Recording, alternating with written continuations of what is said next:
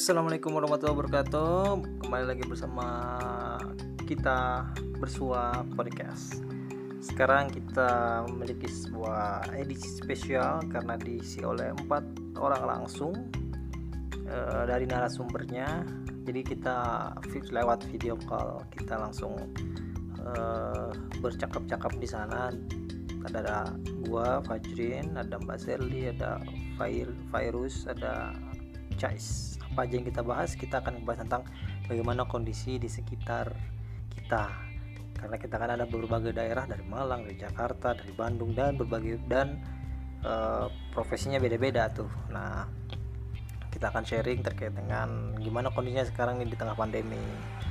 Bagaimana percakapan kita? Yuk kita simak aja ya.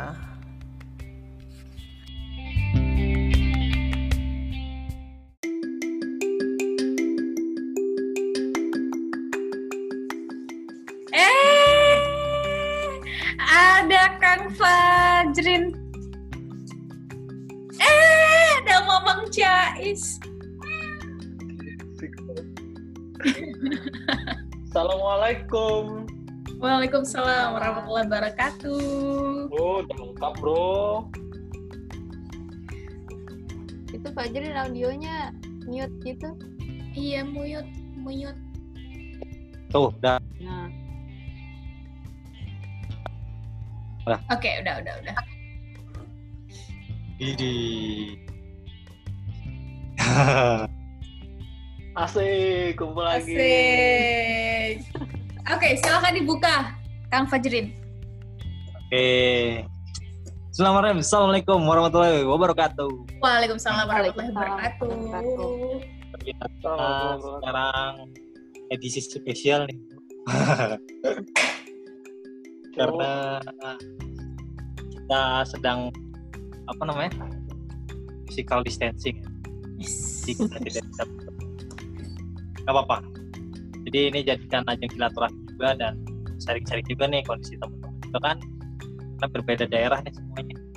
Betul. ya masih sama-sama Jawa sih cuman tetap jauh gitu ya. Uh, gimana kabarnya teman-teman semuanya? Alhamdulillah, luar biasa. Allah Alhamdulillah, baik-baik.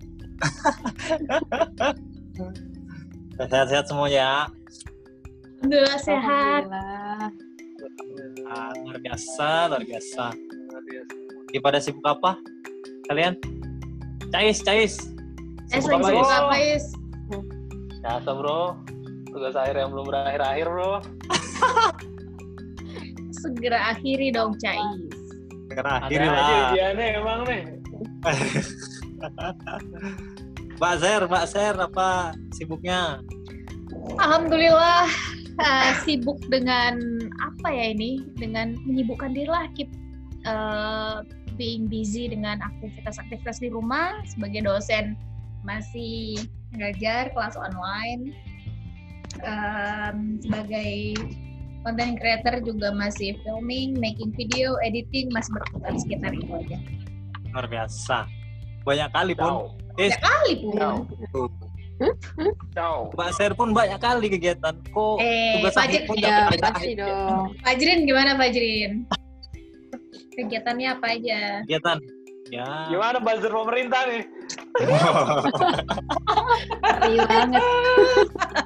Ngeri. Waduh, kita sebelahan. Mbak Ser yang sering mengkritik, saya yang sering membuzzer. Enggak, itu itu tandanya bahwa meskipun kita berbeda tapi kita bisa tetap satu gitu loh. Iya, betul. It, itu itu Virus, ya, virus gimana kegiatannya? Virus dan Fajrin gimana eh, kegiatannya selama di rumah aja? Apa? Kita ya, aku dulu ya. Fajrin dulu, Fajrin. Ya gitu aja sih, paling tetap kantor juga kan beberapa kali sih nggak nggak nggak tiap hari kalau kalau jadwal aja kalau piket gitu kan. Gimana sih sekarang kalau kalau di sana tuh kayak dibagi dua gitu nggak sih? Iya maksudnya sekarang soalnya juga udah pakai kom ya WFH itu udah aktif di sana. Jadi yang masing-masing tuh ada yang dibawa komputernya ada yang kerja di rumah untuk konten-konten sosial media ya promotion desain grafis kalau aku kan ngetek video ya maksudnya ngetek video dan foto. Jadi ya mau gak mau harus ke lapangan.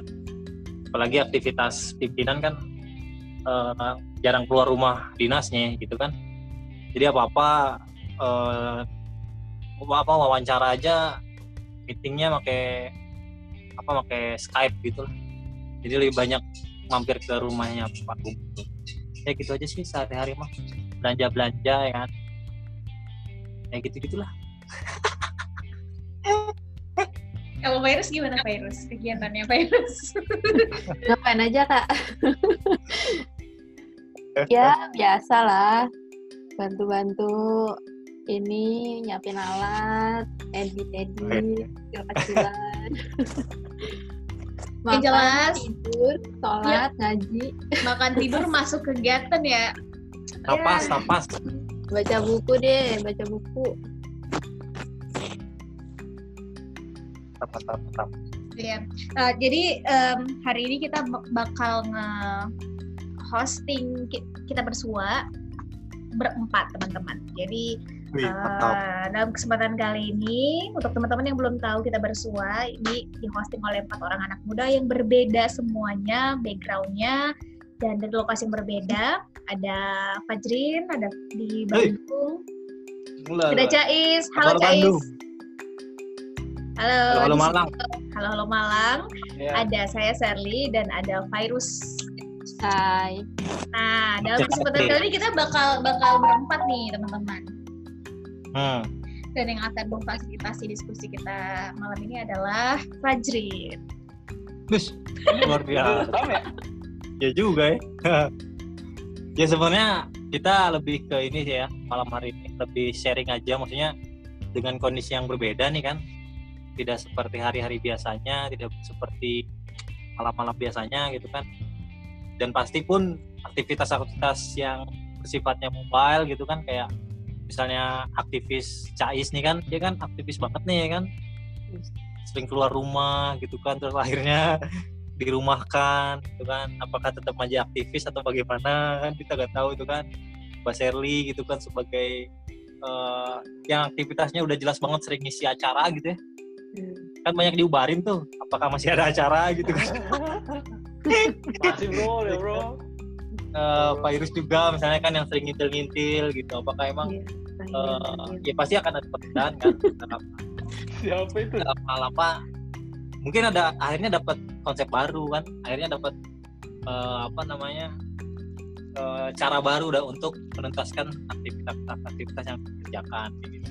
Nah, sebenarnya pengen sharing itu aja sih gitu kan dan emang kondisi terutama kondisi ya karena ya terutama Jakarta kayaknya serem banget Jakarta gitu makanya sharing kira-kira di daerahnya udah sebe- sebesar apa ap- dampak dari kan corona ini itu sih paling paling dari siapa dulu nih dari Dari Cais dulu. Cais. dari Chinese dulu deh orang jauh nih sebenarnya Malang itu kayaknya nggak ada berita-berita corona sebelumnya kali ya Iya, Ada. Ya, ada.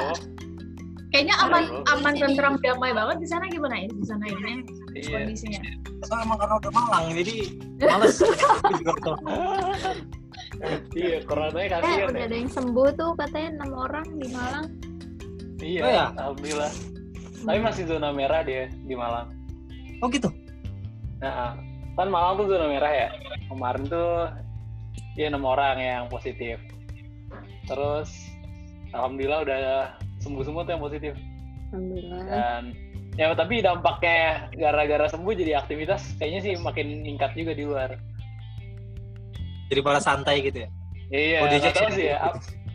Ini mungkin Jadi ini sih ini bagiannya eh, pengkritik nih kayaknya. Apakah datanya salah ya kan? Input data salah. Saya nggak tahu kan ya. Eh maaf saya memposisikan diri sebagai orang lain. oh gitu Iya, tapi di Malang alhamdulillah masih ini sih kondusif. Dan aktivitas masih jalan walaupun rata-rata online. Gitu. nggak tahu tahu nanya ente aktivitas ke ini nggak bro? Apa tuh? ke gusur nggak aktivitas ente? Ya maksudnya kan lagi tuas akhir nih ya kan? Nah, ya kan apa emang kan ada tuh beberapa kampus yang akhirnya sidang online ya kan hmm, wisuda online gitu Emang wisuda ada online? Wisuda dibatalin kali, ditunda. ya Iya. kan, mindahin toganya online, bagaimana? Dibikin animasinya ada. lo Oh, ada ya? itu loh Ada. Kocak, Iya bro, online semua bro sekarang bro. Kacau. Semua online beneran. Online semua sekarang. Iya, kan ya? kalau saya kan basicnya eksak ya. Di situ ada penelitian, ada praktikum juga biasanya kalau orang-orang yang tingkat pertama, tingkat kedua. Nah, di sana juga online semua. Rata-rata biasanya kalau belum ngambil data nih skripsi itu di eh, studi literatur. Gitu. oh disuruhnya Bandingin hmm, 40 jurnal apa? 40 jurnal sama itu yang primer yang sekundernya 25 apa berapa gitu. Terus kalau praktikumnya gimana yang ke lab? Praktikumnya Iya. pakai ini kayak conference gini, teleconference, Hmm, bikin penjelasan dan segala macam. tapi kan megang alat dong kitanya berarti Apa? iya lah ya kitanya nggak megang alat dong kan alatnya di lab ya Iya, Iya, itu dia. dong? Ya, gimana oh, iya lagi? halus aja halus oh ini nih ini, ya. iya, Kak. Ah, nggak megang alat dan juga itu kali ya negatifnya. Tapi positifnya eh, di tengah kalau menurut saya- menurut saya pribadi ya, ini kayak menarik aja apakah nanti pasca corona kampus-kampus online bakalan ada gitu. ini ntar UT Iya, iya, saya kok saya Universitas kepikiran gitu. ya. Iya, tapi tapi itu benar Iya. banget, benar benar. Aku juga eh, kepikiran gitu, Is. Jadi kan corona ini belum pernah dihadapi sebelumnya ya oleh oleh Ah. kita, oleh pemerintah, oleh pelaku bisnis, oleh semua siapa pun. Jadi ide-ide apa ide-ide bisnis termasuk kebijakan UN yang harusnya baru ditiadakan itu tahun depan, tahun ini udah ditiadakan. Jadi baik kebijakan para, pelaku bisnis mengambil peluang mengambil kesempatan kita juga semua aktivitas pokoknya semua bentuk dan eh, aktivitas kita kan polanya berubah nih. Nah, apakah Ya. nanti sesudah Banget. selesai corona ini akan muncul hal-hal baru juga sebagai dampak atau impact jangka panjangnya kan kita nggak tahu ya. Entah Iya. nanti Hmm. ada universitas online juga, entah nanti ada yang jelas kalau Sherly karena background Sherly pendidikan seorang eh, apa namanya eh, dosen sampai sekarang itu banyak bermunculan jadi ya namanya macam-macam lah ada yang sekolah mandiri bersama sekolah belajar dari rumah dan lain-lain yang tiba-tiba itu Hmm. muncul menawarkan eh, alternatif-alternatif sekolah dari rumah. Jadi eh, gurunya sekarang kan banyak tuh tutor-tutor anak-anak kuliah tingkat akhir. Mereka bisa jadi guru. Jadi sifatnya itu bisa bisa berbentuk ramean. Misalnya lima orang kayak gini diajarkan oleh satu guru. Kan bisa pakai whiteboard eh, zoom bisa pakai whiteboard dan lain-lain jadi ada- bisa minta private. Jadi kan ada juga yang homeschooling ya. Homeschooling Mhm. juga bisa pakai pakai online. Jadi kalau dari sisi Mhm. pendidikan gitu ya eh, itu bisa banget. Maksudnya bisa bisa bisa jadi nanti akan banyak eh, bertelur ide-ide bisnis dalam dunia pendidikan. Karena toh sekarang kalau eh, Sherly sendiri jujur ini semua seminar yang udah eh, masuk jadwal dari bulan Maret, April, Mei itu di cancel. Kalau yang nggak mau cancel berarti ditunda. Kalaupun memang nggak bisa ditunda berarti dibikin online. Mereka yang sebelumnya bukan IO tiba-tiba jadi IO bikin seminar online. Hmm, ya Maksud maksudnya tuh em, ya ini memaksa memaksa siapa pun setiap individu untuk mencari em, peluang kesempatan kayak gitu. Dan eh, sampai tadi jam berapa ya berapa jam yang lalu gitu salah seorang teman ngubungin ngasih tahu bahwa ini kayaknya teman-teman eh, pembisnis dalam beberapa minggu ke depan nih bakal PHK besar-besaran karena omsetnya pada turun. Iya, betul banget. Iya, Iya. benar Iya, guys iya. ya, teman-teman Iya. pada ngubungin. Kalau Fajrin gimana nih Fajrin?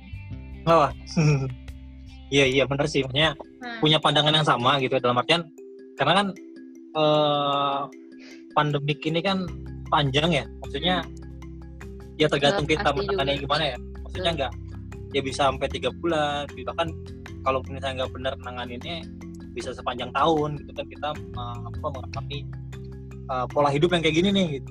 pola Iya. hidup yang rata-rata apa kerja dari rumah sekolah dari rumah walaupun nggak semua ya walaupun nggak nggak semua uh, apa bidang pekerjaan bisa dari rumah cuman ya dampaknya ngeri juga sih sebenarnya maksudnya uh, apa namanya pola pola hidup kita akan berubah entah itu dari cara otomatis kita akan lebih menghamba kepada teknologi kan? Internet gitu kan. Terus eh, apa ya pokoknya serba virtual deh semua. Gimana caranya eh, tanpa harus keluar rumah tapi kita masih bisa berkarya misalnya kan. Kita masih Hmm. bisa komunikasi sama orang-orang di sekitar. Nah itu dampak buruknya eh, ngeri juga kalau menurut aku ya terus yang yang kedua karir. Ternyata emang eh, impact dari apa namanya dari corona ini gitu ya kan ya tadi benar mematikan bisnis kan ya. Dan banyak orang-orang yang kayak pelaku desainer gitu ya yang emang perannya itu sebenarnya nggak terlalu nggak terlalu apa ya nggak terlalu berpengaruh besar walaupun berpengaruh kayak desainer misalnya. Atau eh, apa namanya ya yang berbau skill misalnya. Hmm. itu banyak yang di apa ya banyak yang di cut gitu dari kerjaannya kan. Karena Hmm. emang merasa untuk mengurangi SDM kan. Ya nggak sih? Jadi perusahaan-perusahaan tuh pada caranya SDM tetap dikurangin sebagaimana mungkin sampai berapa tahun. Ya, maksudnya itu menjadi menjadi ketakutan juga. Kalau teman-teman suka nonton film gitu ya eh, ada film yang judulnya tuh Black Mirror. Ah Black Mirror itu menjelaskan tuh bagaimana kejamnya sebuah teknologi gitu. Dalam artian oke kita dipermudah cuman akhirnya eh, teknologi itu sendiri yang akan menghancurkan kita sebagai manusia. Ketergantungan kita kepada akses internet gitu kan. Pada eh, ya apa dunia sosial nyata kita tuh nggak ada kan akhirnya. Hanya dunia sosial sosial media gitu kan pelariannya orang akhirnya bikin sesuatu yang nggak jelas juga di media sosial kan Hmm. bikin apa namanya ya joget-joget gak jelas juga banyak juga sekarang gitu. Kan? dan itu diminati oleh banyak coba orang tuh. Ya? Ya, karena apa karena ya dia apa ya bete ya udah gue nonton kayak gituan kan terus akhirnya oh kayak gitu viral terus akhirnya dibikin juga akan mungkin mungkin akan banyak muncul tuh orang-orang kayak gitu juga nantinya ya ya aku lihat sih eh, polanya akan berubah seperti itu. Begitu. Dan emang eh, sebenarnya perbedaan tuh ketika misalnya ngantor nih dulu sebelum pandemi datang pandemi datang itu ngantor setiap hari kan. Setiap hari mau ada kerjaan atau enggak kita datang gitu kan absen. Cuman karena ada pandemi kan pandemik akhirnya absen dinonaktif dinonaktifkan terus akhirnya kita eh, apa pakai piket. Artinya baik baik baik calling gitu ya. "Ya, Fajrin hari ini shoot gubernur di Pakuan jam sekian sekian berangkat. Terus sudahnya boleh balik yang penting tugas selesai kan? Terus diedit dan lain sebagainya. Nah, itu kan sangat sangat apa ya? Ya emang sesuatu hal yang nggak perlu dikerjakan di kantor ya nggak perlu kita kerjakan dan ini mungkin akan ngaruh juga ke sistem pemerintahan dalam hal mengerjakannya kalau kata karena akhirnya kan eh, Kang Emil sering banget ini bro curhat ya Kang Emil sering banget video callan sama eh, kepala daerah kepala daerah gitu kan lewat video call. Mungkin kalau dulu nggak pernah kan. Kalau dulu nggak pernah tuh namanya ada telekonferensi eh, seluruh apa kepala daerah di Jawa Barat misalnya. Itu dulu nggak ada akhirnya sekarang ada. Dan ya lebih seru sih kayaknya ke depan. Gitu. Laris gimana? Eh, yang berubah ya pasti pola hidup ya. Mungkin kalau misalkan yang dari tadi dijelasin karena kita nih sekarang lebih eh, apa ya sering makainya eh, teknologi kan. Jadi eh, secara tidak langsung kita juga kayak jadi edukasi ini teknologi. Jadi gimana cara pemanfaatan teknologi yang baik itu seperti apa?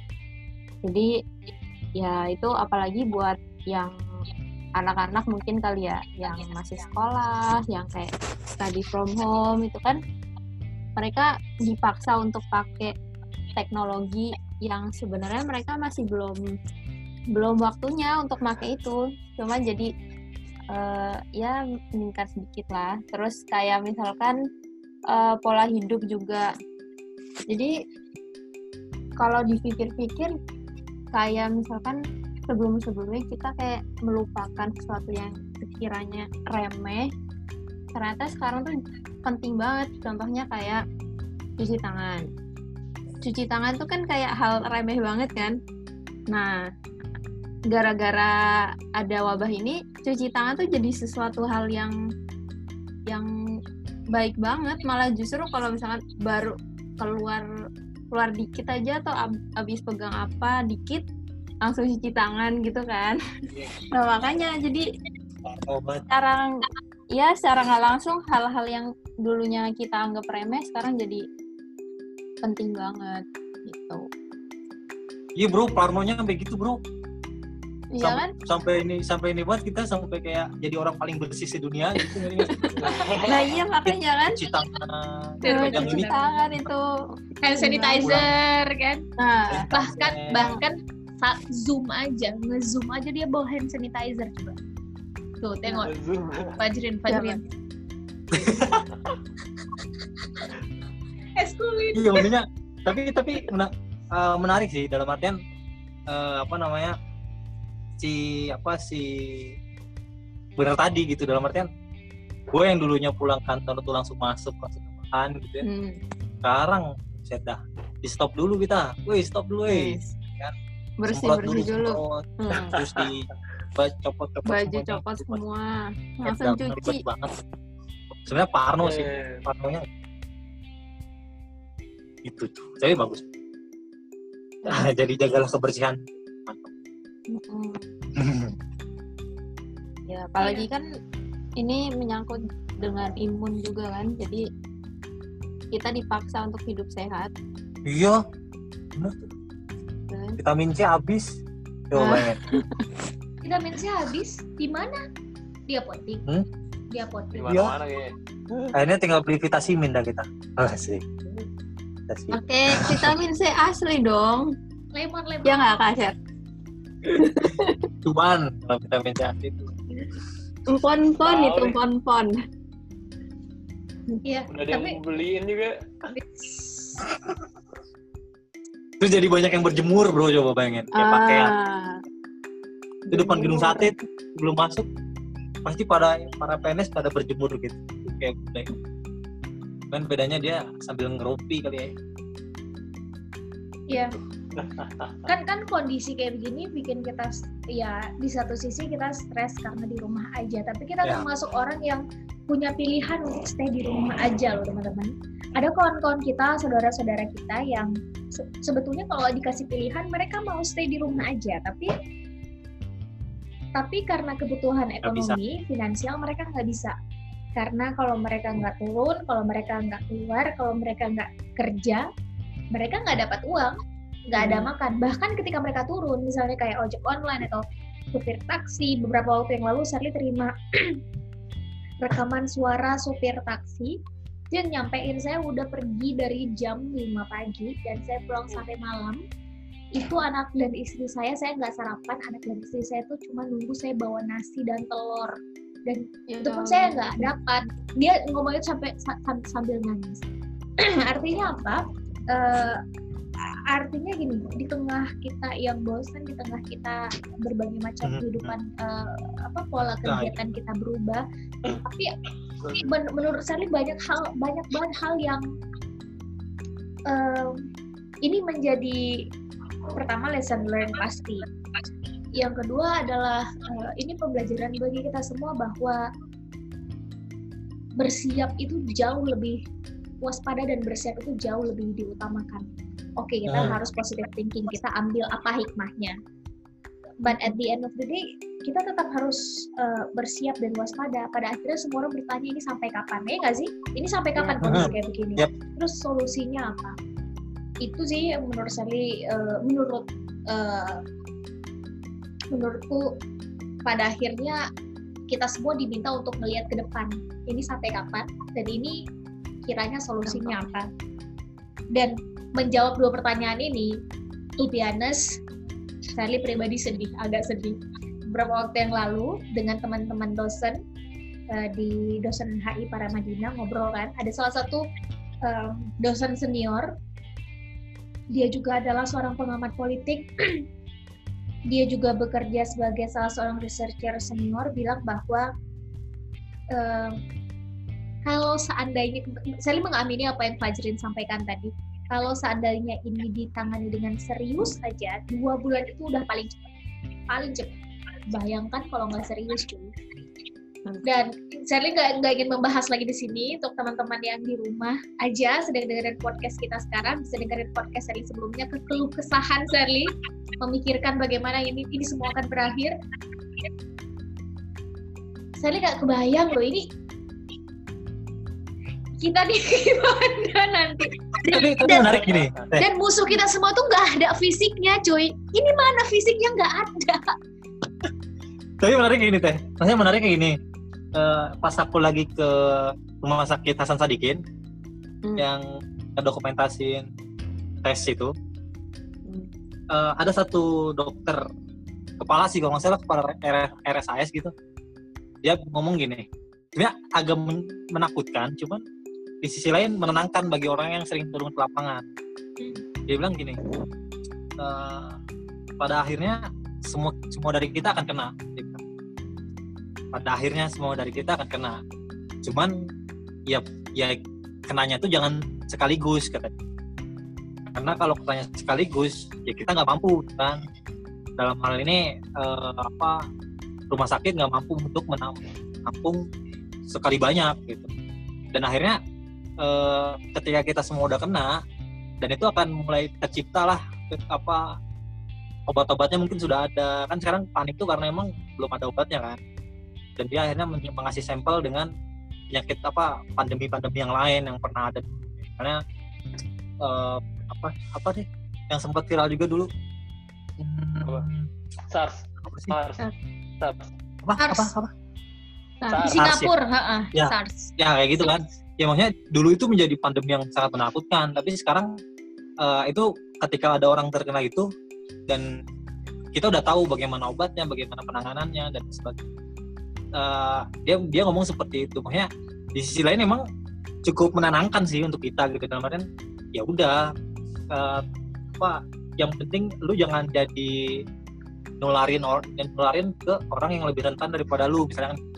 Ketika misalnya kita aku misalnya masih muda atau kita semua masih muda masih punya imunitas yang banyak gitu ya jangan sampai kita malah menularkan eh, ke yang lebih rentan gitu yang imunitasnya emang lebih rendah. Makanya kan eh, apa disarankan tidak mudik kan?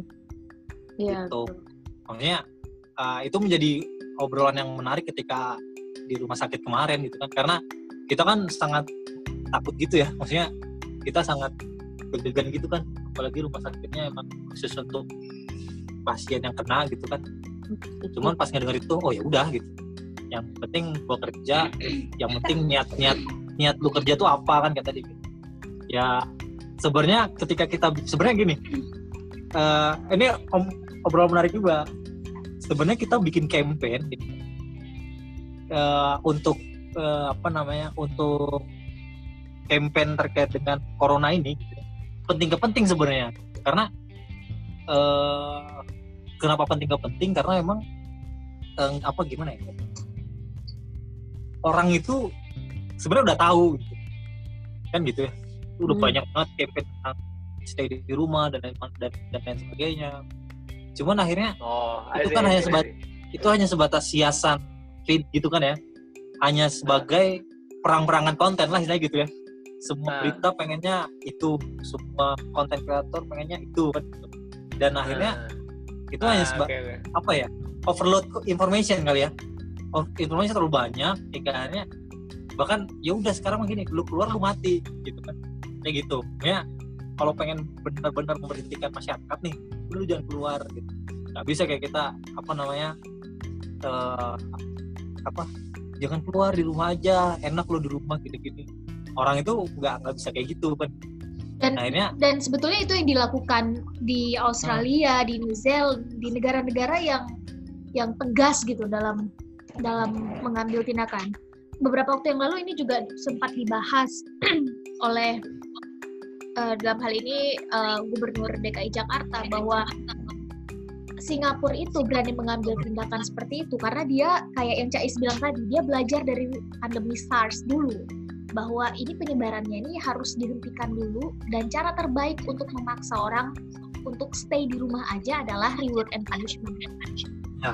Melanggar itu ya harus denda. Di Australia kita keluar melanggar peraturan itu kena denda sama di New Zealand juga. Jadi menurut eh, saya saya setuju dengan apa yang Fajrin bilang kemarin. Eh, saya ditemani Virus dan teman satu lagi Nadia ikut turun kan ngebagiin mm, sembako bersama teman-teman eh, lembaga kemanusiaan salah satu lembaga kemanusiaan. Em, karena kita pengen lihat langsung di lapangan itu kayak gimana proses pembagiannya kayak gimana kondisi eh, saudara-saudara yang terdampak seperti apa. Dan selama pembagian itu langsung kelihatan bahwa betapa ini nggak efektif maksudnya yang di bawah oke membagikan donasi dan lain-lain gitu ya. Tapi ternyata tetap bertemu tetap berkerumun tetap berkumpul dan saling bersentuhan dan lain-lain. Ya. dan akhirnya yang kepikiran adalah betapa tidak nggak aman insecure gitu ya. Iya, betul. bahkan dibagikan donasi kayak gini juga insecure ya nggak pakai sarung tangan lah yang segala macam lah Nggak gitu. pakai masker, nggak pakai masker nggak sesuai SOP terus eh, ya ngum- kumpul-kumpul kayak begitu. Jadi harus diakui bahwa di masyarakat selama dia tidak benar-benar kalau tadi ya nggak keluar benar-benar di rumah sehingga grafiknya itu nggak nggak melebihi batas apa rata-rata rumah sakit itu ya semua campaign tadi itu nggak akan maksimal hasilnya menurut ya karena emang ketika ya itu benar ketika ada di rumah aja muncul ya kita nggak bisa kan gitu. Ya nggak sih? Katanya ketika pun misalnya ya udah berarti semua di rumah lu gue jamin kan udah kelar semua kan? Ya ya udah orang yang di yang yang tadinya mengeluh kok gue nggak bisa di rumah aja kalau gue di rumah aja gue makan apa kan? Tapi ketika misalnya ya udah lu di rumah lu gue kasih makan selesai kan? Ya nggak nggak ada lagi tuh misalnya udah kita nggak usah ada campaign di rumah aja atau apa segala macem. Cuman ya emang kita akan tegas dari ini sih dari pemerintah sih sebenarnya. itu sih basically Kenapa sih? Lo baru tau. Oh, Fajrin, kenapa Iya. Fajrin? Kenapa Fajrin? ya Kalau Sebenarnya- kalau eh, bang, kalau aneh yang lihatnya ya, mungkin kalau teman-teman lihatnya dari struktural kali ya. hmm, Kalau aneh tuh, ini sempat pengen ini sih, pengen coba diangkat, tapi saya bingung mulai dari mana. Dari bawah kalau udah di atas nggak usah diangkat lagi kalau teman-teman eh, ada yang berani gak deketin api? berani dong Berani lah. Ya berani, Berani ya? berani. Ya kan kalau lagi api ininya ter- tergantung Nah. apinya sebesar apa dulu. Nah itu dia, itu itu kata kuncinya tuh kalau menurut menurut saya ya, itu kayak pengenalan si objeknya gitu, Hmm.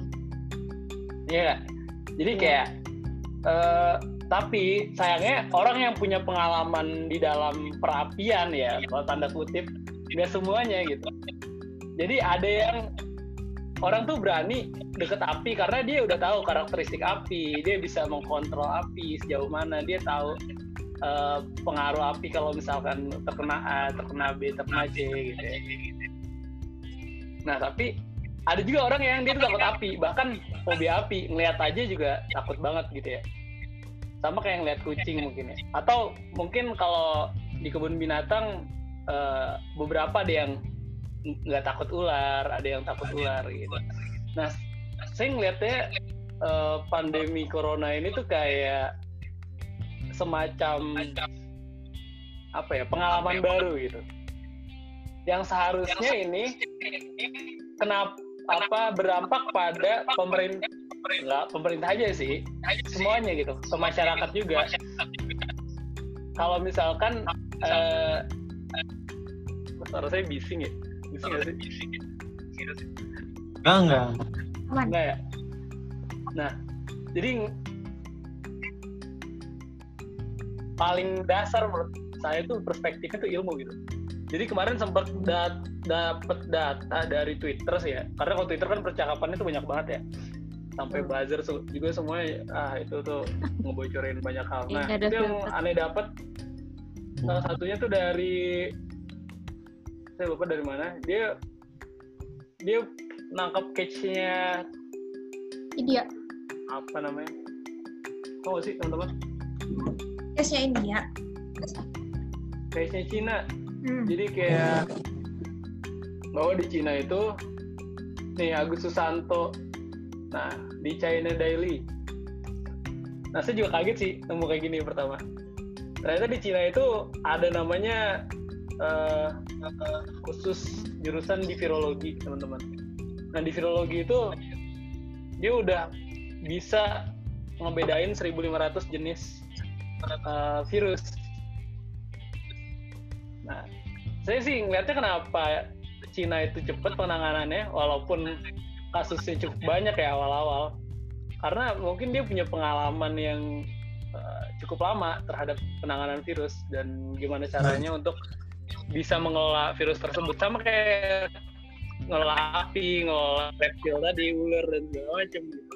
Nah, sebenarnya ada cukup harapan baru ya menurut uh, gue sendiri bahwa Indonesia ini kayaknya perlu ada ke depannya jurusan atau prodi atau keilmuan yang emang dia tuh fokusnya di dunia kevirusan gitu ya. Soalnya kan yang saya tahu itu iya kevirusan apa virologi ya. Iya, Virologi. tentang khusus tentang virus. hiper Iya, namanya virologi. Jadi kan ada kalau di mungkin orang MIPA, orang biologi, orang pangan, nah beberapa gue juga dapet mikrobiologi kan. Tapi kalau mikrobiologi itu masih sangat luas banget. Ya ada jamur, ada bakteri, ada amuba dan segala macam ya. Gitu. Tapi si Cina ini di provinsi Hubei dia udah dapat 1500 eh, apa virus yang berbeda gitu. Bayangin dia punya koleksi bank eh, eh, ya. Bayangin ya, lalu bisa bayangin nggak sih kesetan itu ya. Dan Indonesia belum nyampe situ kayaknya. Gitu. Lu mau virus kayak apa? Perspektifnya kayak keilmuan koleksi virus eh, apa? koleksi virus Iya dia dia bisa eh, menangani virus itu dengan baik. gitu. Mungkin Itu kalau kalau masyarakat belum punya pengalaman panjang ke sana. kalau menurutku em, itu mungkin pandangan Cais dari eh, latar belakang keilmuan Cais kali ya sehingga eh, punya Iya. perspektifnya kayak gitu virologi MIPA dan Iya, lain-lain. benar, tapi at the end of the day Oh, ini Saya dampaknya sendiri ya, astagfirullah. dampaknya itu lebih besar dari itu. Oke, fine, virologi diadakan. Tapi pada akhirnya ini impact-nya kan pada masyarakat luas. Dan ketika bicara tentang masyarakat luas, maka jelas di situ api kalau tadi uh, uh, Cais uh, bicara api, maka cari api apinya apa? Jadi vi- virus ini menyebar, impact-nya mulai secara ekonomi, dampak kedua keselamatan warga masuk di dalamnya nyawa. Makin banyak yang meninggal tenaga medis makin banyak yang ini. Nah kalaupun kalaupun Cina eh, kita anggap eh, dan banyak kita baca di jurnal-jurnal itu berhasil eh, tetap aja belum menemukan apa eh, obatnya kan? Belum menemukan em, apa namanya? Cairan atau Vaksin. apa pun vaksin ya. Apa belum menemukan Hmm. vaksinnya. Artinya apa? Eh, jurusan atau prodi itu oke ke depan dibutuhkan kita belajar dari sini. Iya tapi yang terjadi sekarang sudah terjadi dan bukan berarti kemudian oke ke, ke depan kita eh, kita adakan dulu jurusan eh, virologi atau eh, mikro bakteriologi dan lain-lain. Ini sudah menuntut kita semua untuk bertindak dan mengambil langkah cepat. Yang mau nggak mau bahkan jurnal-jurnal termasuk John Hopkins University itu menganalisa bagaimana pergerakan virus ini pun berdasarkan yang sejenis kan. Nah, setelah itu dilakukan oleh para ahlinya, kita serahkan segala sesuatu para ahli kepada para ahlinya, kepada mereka yang punya ilmunya, but at the end of the day, yang bisa mengambil kebijakan, yang bisa mengambil keputusan dan impact-nya bisa langsung dirasakan oleh semua orang, banyak orang, dan dalam hal ini dalam bentuk negara, ya adalah dalam hal ini kembali adalah pemerintah. Toh di Cina yang dilakukan sehingga penanganannya cepat kan adalah dengan mengkarantina wilayah tertentu loh ya, wilayah tertentu di Cina yang di lockdown. Sehingga uh, dan dan dari beberapa yang dianggap berhasil menangani virus ini kan kalau dilihat apa yang mereka lakukan irisannya adalah irisannya adalah mereka melakukan hal-hal yang uh, tadi dalam tanda kutip sudah Fajrin sampaikan social distancing iya itu dari dari bawah secara kultural kita tetap melakukan social distancing menghindari kerumunan hmm, stay di rumah aja dan lain-lain. Tapi balancing antara atas dan bawah struktural juga perlu virologi itu termasuk yang saya, uh, saya pribadi pikir adalah penting untuk ada, tapi bukan berarti kemudian negara yang tidak punya jurusan itu tidak bisa mengendalikan virus yang memang masih baru ini. Jadi betul bahwa kalau tadi kita bicara api, maka dari perspektif saya pribadi sosial impact, maka cari carilah akar masalahnya apa. Kita mau menyelesaikan masalah, mau misalnya api nih tadi kita bicara api, api itu pasti akan menghasilkan asap. Selama ini kita sibuk di asapnya, tapi apinya nggak kita matikan. Api dalam hal ini adalah sebetulnya siapa yang bisa menyelesaikan api ini? Siapa yang bisa memadamkan api ini? siapa yang sekali memadamkan api ini selesai dan semuanya akan mengikuti asapnya pelan-pelan akan hilang. Saya masalah dihilir nggak bisa dihilir, harus dari hulunya. Dan yang punya wewenang, kapasitas, otoritas dalam hal ini, pikir adalah pemerintah. Sekuat apa pun kita berdonasi akan ada titik di mana udah kita nggak mampu lagi. Karena ya semuanya udah dilakukan oleh masyarakat kalau tidak dibarengi dengan disiplin kebijakan dari yang punya kapasitas lebih saya pikir gitu sih ya Ya. Tapi jangan lupa juga Kak Shirley. Ya. Jangan lupa juga ada eh, mungkin teman-teman juga udah baca ya eh, apa namanya dari matematika permodelan Hmm. alumni UI kan S2 Hmm. S2 apa S1 ya pokoknya alumni UI lah saya lupa yang dia bikin tiga model kan Ya. Iya. yang pertama model misalkan pemerintah itu mengadakan kebijakan dan masyarakatnya juga tidak melakukan antisipasi ya kan itu eh, kemungkinannya selesai di bulan Agustus September. Bayangin aja kan Juli. Eh Maret, April Mei Juni Juli. Terus sekitar 4 bulan sampai lima bulan. Ya. tapi jangan lupa permodelan yang kedua. Permodelan kedua pemerintah dikasih lebih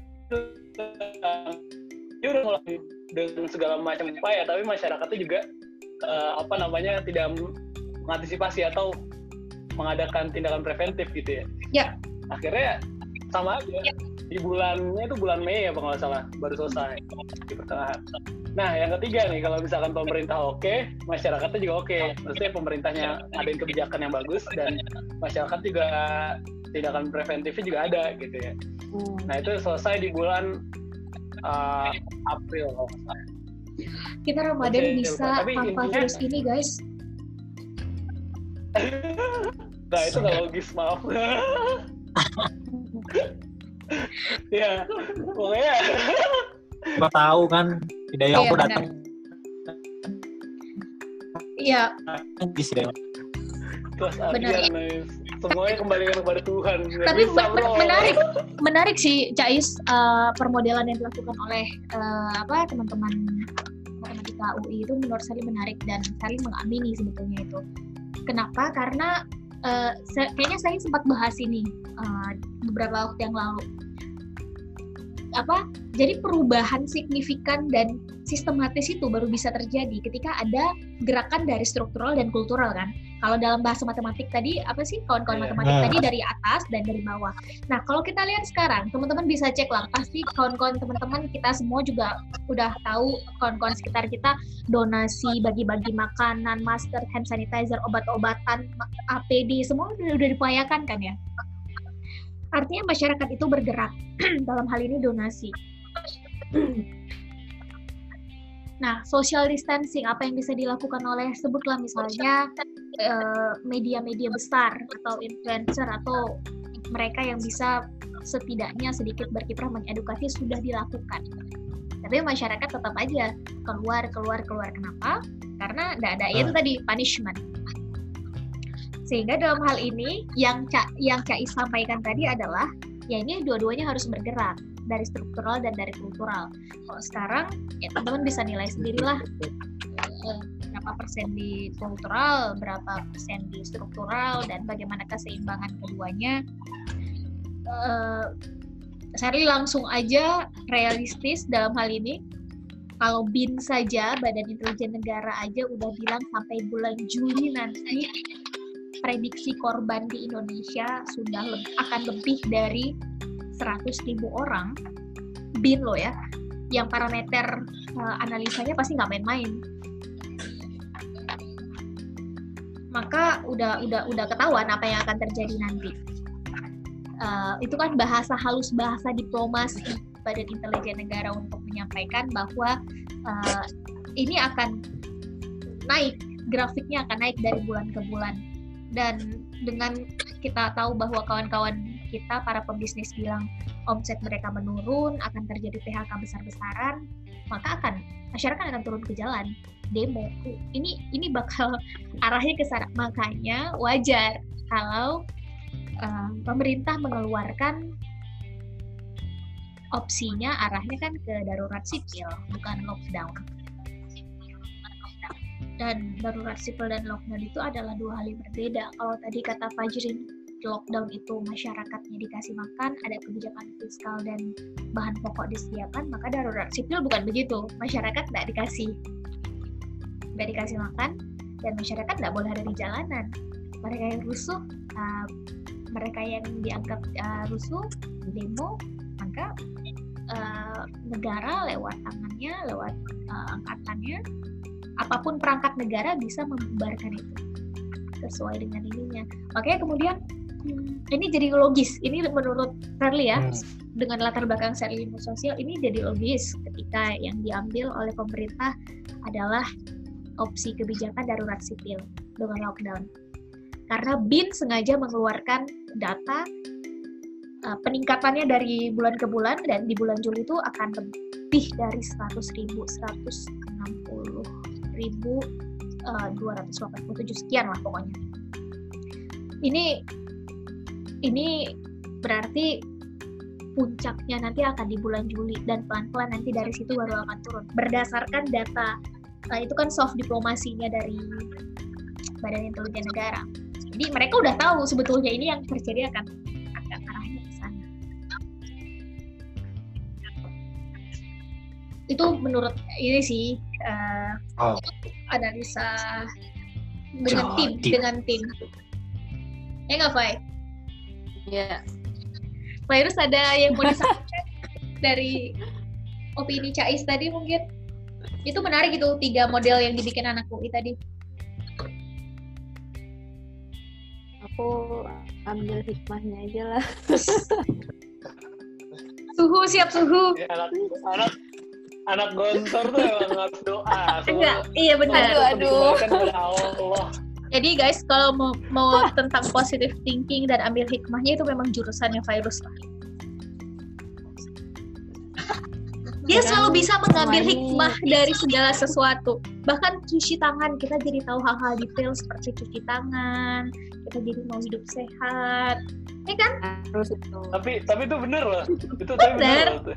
tapi di tengah semua ini dia masih mengambil Ah. hikmah gitu kan mengingatkan kita semua bahwa there's still something positif yang yang kita harus bersyukur Enggak kayak Iya. gitu. Soalnya soalnya sekarang tuh eh, apa coba? Aku tuh kayak kalau baca berita tentang itu tuh kayak stres sendiri gitu loh dengernya terus apa namanya denger berita-berita yang ya antara antara yang nyata atau hoax itu kan bingung jadi Miss banget ya. udahlah ambil Nah, ini sebenarnya ada Daripada- daripada menarik sih. kita stres Ini. kan kayaknya udah stres ya nggak kayak gini aja udah kebosanan Ya, itu ya, tuh gitu. salah satu Kadang bagian gitu. dari kita kan kadang ya banyak terkadang keributan masyarakat sekitar sekarang ya. masyarakat media sosial masyarakat eh, dunia nyata pemerintahan kita perlu apa sih gitu overthinking itu kadang bikin kita mumet gitu. tapi nggak nggak semuanya gitu. Maksudnya, uh, I think uh, ya nggak apa-apa lu kayak gitu nggak apa-apa. Cuman akhirnya ya lu uh, sekarang bisa apa gitu kan. Lu bisa apa gue bisa bikin konten atau dengan keilmuannya gitu. Kayak uh, gue yakin pengetahuan bisa gitu ya. Gak ada kan. Gue yakin dari pengetahuan virus ini bisa hilang. Oh ya belas kan gitu sampai itu ilmunya dan ketika kita masalah selesai uh, bahasa lihat uh, sudut pandang sosial pemerintahan. Ini harus gini. Itu keren itu keren. Tinggal kan akhirnya ya, ya lu bisa untuk ya udah ayo kita jalan. Apa fase ini tuh ya udah gitu. Kita jalanin bareng-bareng gitu kan di tengah keributan yang ada gitu kan. Yang emang fokus ke pemerintahan uh, kritik mereka misalnya kasih mereka masukan atau ketika ada emang uh, programnya bagus dukung mereka uh, dan sebagainya. Maksudnya ya lebih sekarang kita kan uh, saatnya mau menggaungkan lagi istilah gotong royong ke skala yang lebih besar. Ya kan? Nah artinya eh, apa dan di sisi lain itu di sisi kejadian apa pandemik ini mengapa eh, terjadi gitu. Eh, kita dulu tuh musuh kayak dulu tuh ya dulu tuh yang dibentrokan tuh di antara masyarakat agama gitu. ya yang jadi musuh tuh pasti agama entah itu sesama manhaj berantem entah itu sama ustadz berantem gitu terus di apa adu domba Itu sebelumnya pilihan politik. Tapi akhirnya sekarang plus saja kita kita dimusuhkan tadi pembahasan musuh kan Maksudnya, seorang tuh merasa oh ini musuh sama. Nah dalam dalam apa ya ya kalau aku pernah dapat uh, diskusi juga bahwa kita tuh kalau kalau kita pengen kompak gitu ya entah ya dalam skala besar kita harus menentukan musuh bersama kita itu apa. Ya mungkin sekarang nih ya nggak sih? Indonesia itu memiliki musuh besar yaitu coronavirus kan gitu ya kan? Akhirnya mereka semua berkumpul ya udah lu bisa apa? Kayak gitu kan. Oh gue bisa nyumbang nyumbang lah gue bisa apa? Oh gue bisa ngasih mata pemerintah atau pemerintah kasih masukan. Oh lu bisa apa? Jadi gimana caranya? Itu menurut pada semua itu terus untuk uh, apa meminimalisir dari kayak gitu. Maupun sekarang dokternya para para uh, para dokter dan lain sebagainya gitu kan yang emang menambatai positif dari depan. Mungkin barisan kedua influencer misalnya kayak pemerintah misalnya mungkin barisan ketiga siapa dan lain sebagainya terus sampai barisan belakang cepat hingga akhirnya rasa manusia itu diuji kan gitu. banyak orang yang berlomba-lomba untuk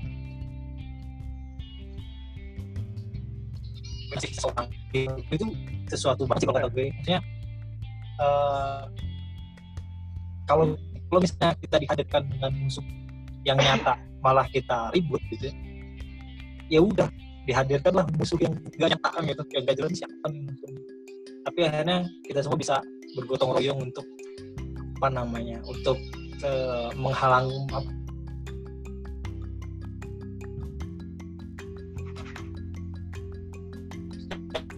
di di dalam pemerintahan gitu ya. Ya gue lihat wah ini eh, ekstra banget sih dalam artian ya nggak tahu ya nggak tahu karena aku udah terkontaminasi atau apa gitu. Cuman make sense apa yang dilakukan Eh, kayak misalnya nggak boleh pulang walaupun udah makan mau terus eh, apa bukannya kita nggak mau atau bukannya kita nggak mau menemukan antara ayah, anak sama ayahnya memang demi makan bersama ya udah lu nggak mau mendapatkan pendidikan gitu nah, makanya ya kita semua kerja bareng tapi nggak tahu tuh juga boleh juga kadang-kadang. Soalnya benar kata Mas Rita dia dia ketika misalnya kemarin sebelum wabah ini besar lockdown itu diberlakukan maka kita akan sengsara paling cuma sebulan. Dalam artian ekonomi eh, apa namanya bisnis itu bakal apa itu sebulan. Cuman karena sekarang udah banyak banyak kita sudah mulai agak kesulitan dalam mengkoordinasi. Meng- mengkoordinasi. Itu nggak susah nih biar si pandemi ini nggak bebas. Ya kita akan tahu sampai kapan?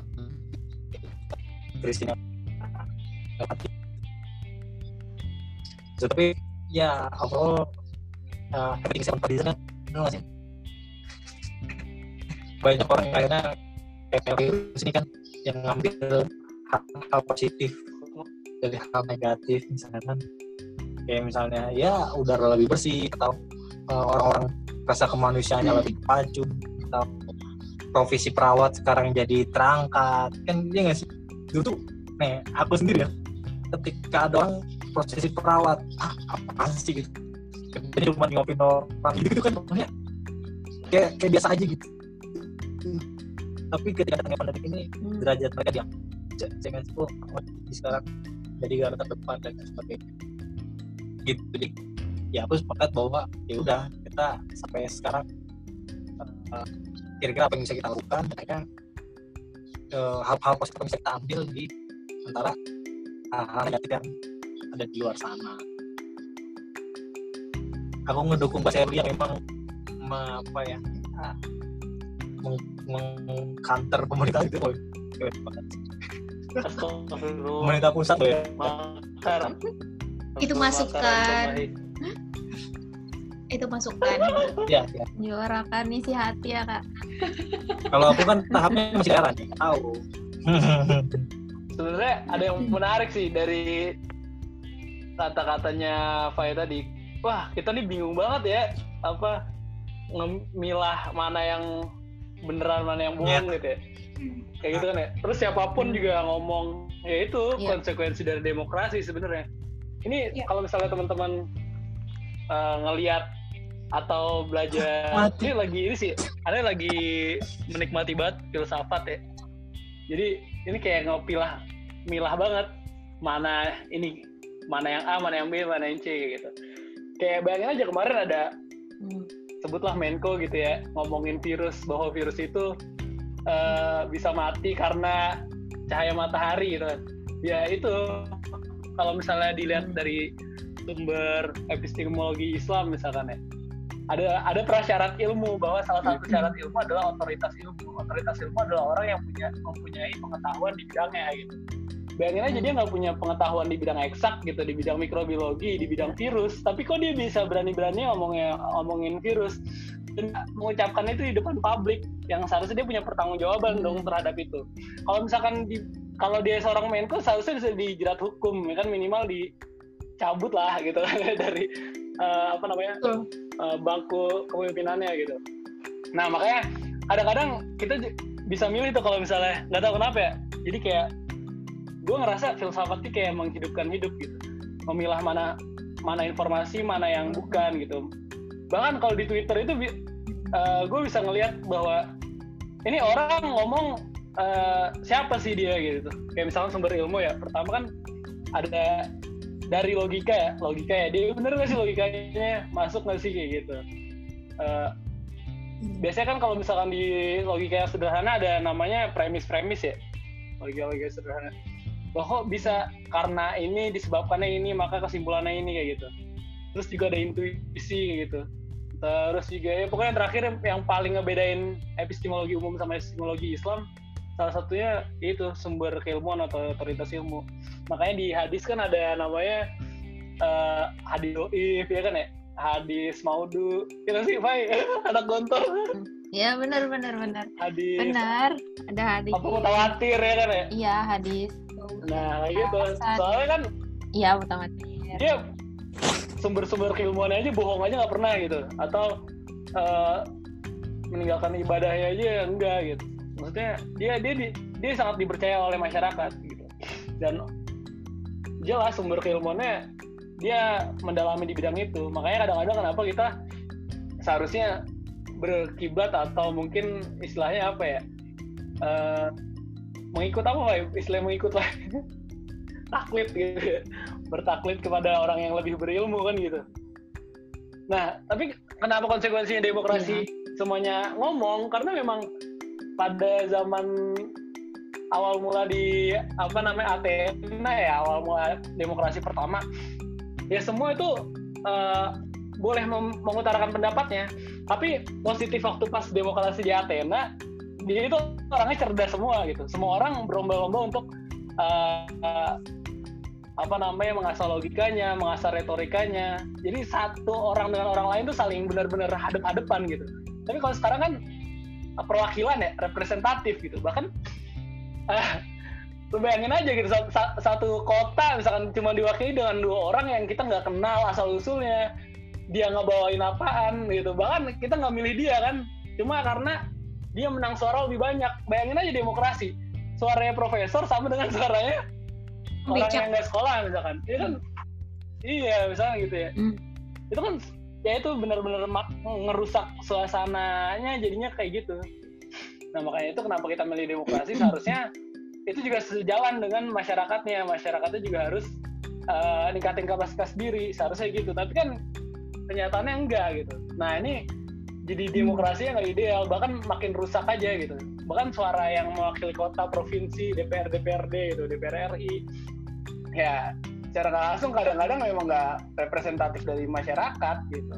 Itu yang menurut gue sih itu nggak demokrasi banget gitu. Jadi kayaknya harus dipilah-pilih. Ya maupun yang ngomong presiden tapi kalau dia bukan keilmuannya dia nggak punya otoritas untuk menyampaikan itu jadi nggak usah dipercaya gitu. Iya. gitu coba dengerin. Epistemo, epistemologi tuh keren banget Itu itu apa ya? Kuliah tuh empat SKS apa? Kalau belajar epistemologi iya dah itu salah satunya lulusan gontor loh yang ngajar